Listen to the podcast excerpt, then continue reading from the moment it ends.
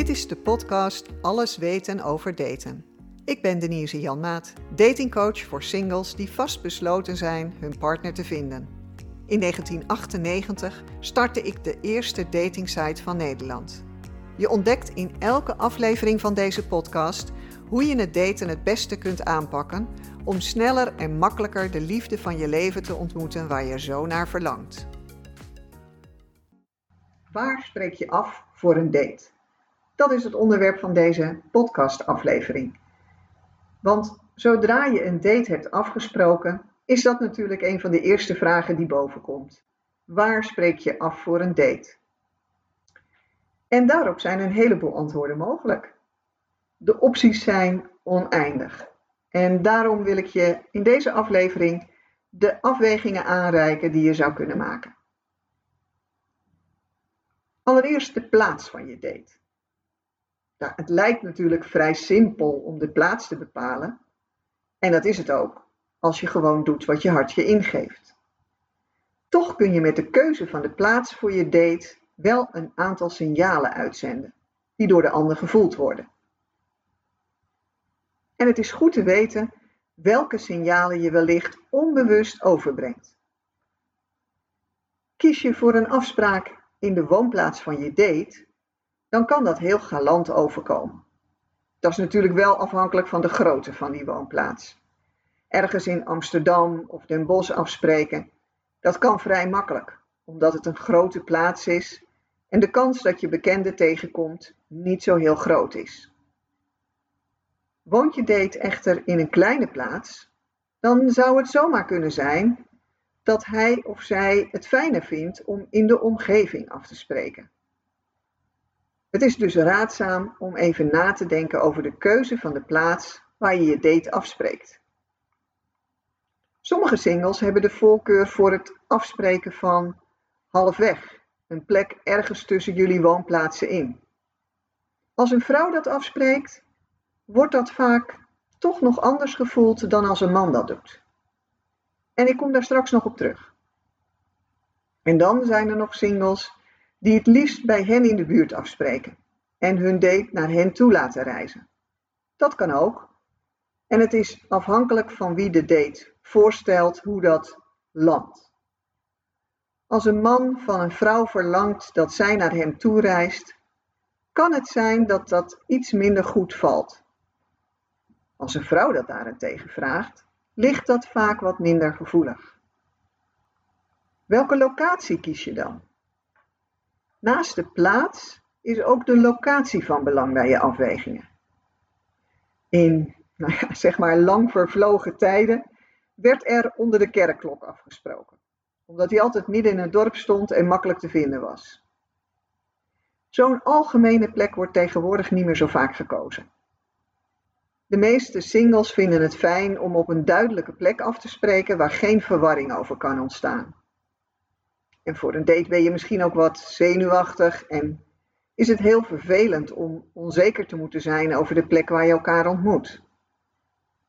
En het is ook van belang om zo duidelijk af te spreken, omdat je elkaar nog niet eerder gezien hebt of alleen op een foto. Zeker als je een beetje nerveus bent, is het dan fijn als je niet hoeft te twijfelen over de locatie waar je staat of waar je zit. Kies ook een plek die vrij rustig is, maar niet afgelegen.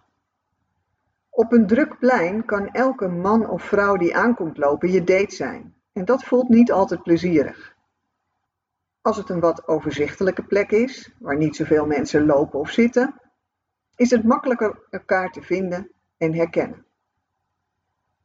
Als het een wat overzichtelijke plek is, waar niet zoveel mensen lopen of zitten, is het makkelijker elkaar te vinden en herkennen. Waar spreek je dan af voor een date?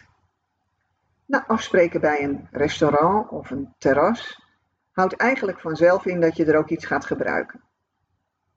Voor een date is het aan te raden om voor een activiteit te kiezen.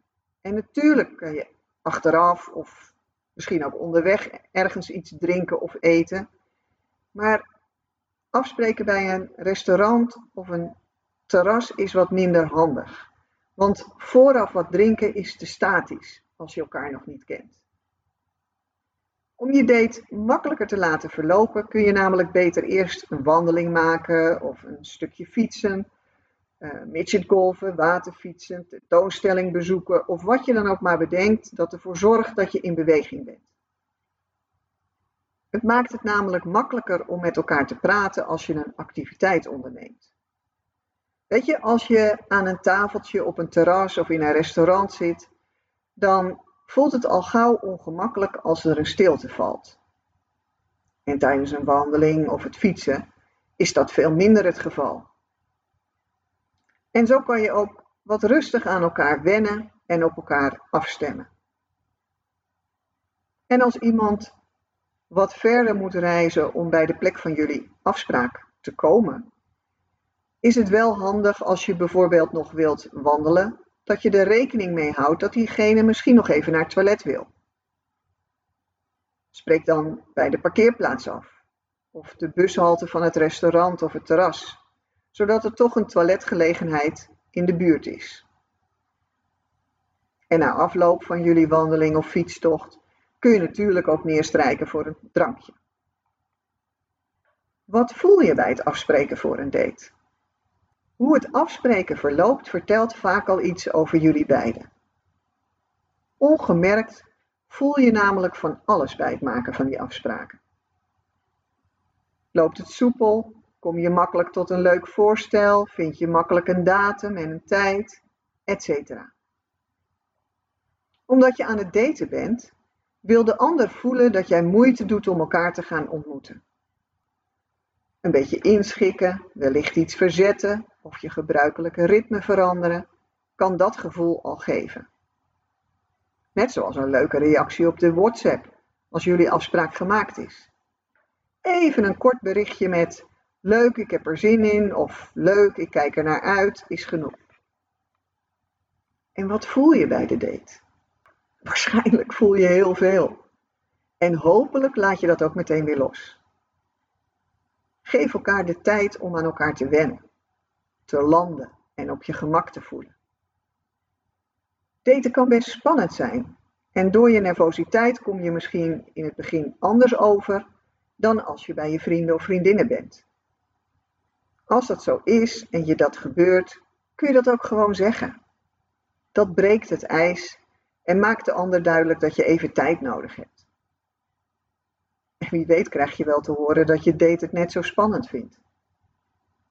Het is ook fijn als je kunt voelen dat de ander moeite wil doen om jou te ontdekken. Als hij of zij jouw profiel goed heeft gelezen, loopt het gesprek waarschijnlijk veel makkelijker, omdat je dan vragen krijgt over wat je in je profiel hebt geschreven. Een mooie reis, een leuke job, trots op je kinderen of kleinkinderen of wat dan ook. En als je daarover mag vertellen, ben je vanzelf in je element. En ziet de ander dan de twinkeling in je ogen. Dan ben je op zijn mooist. Net als je voelt dat de ander moeite doet voor je door helemaal naar jou toe te komen voor de date. Of een klein cadeautje voor je meeneemt. Dat doet je toch al wat meer smelten. Het kan ook voorkomen dat jij of je date zich niet zo heeft voorbereid of niet zoveel moeite heeft gedaan en gewoon alleen zijn of haar jas van de kapstok heeft gepakt. Zoals je in mijn gratis e-book ook al kunt lezen, is dat niet één van mijn supertips om je partner snel en makkelijk te vinden.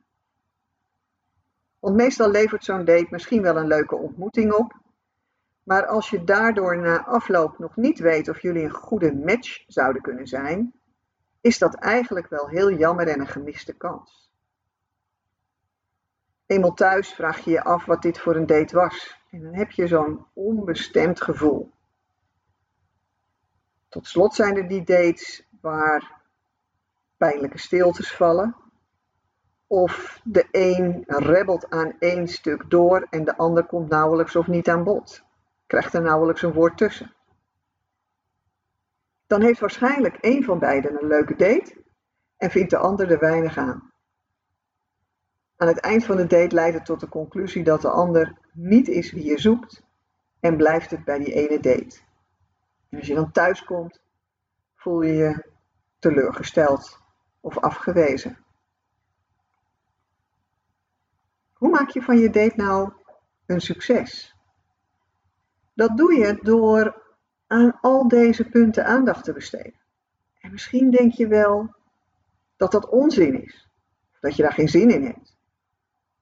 Realiseer je dan dat dat zijn uitwerking heeft op het resultaat van je date. Alleen voor degenen die daten als hobby hebben kan dat werken.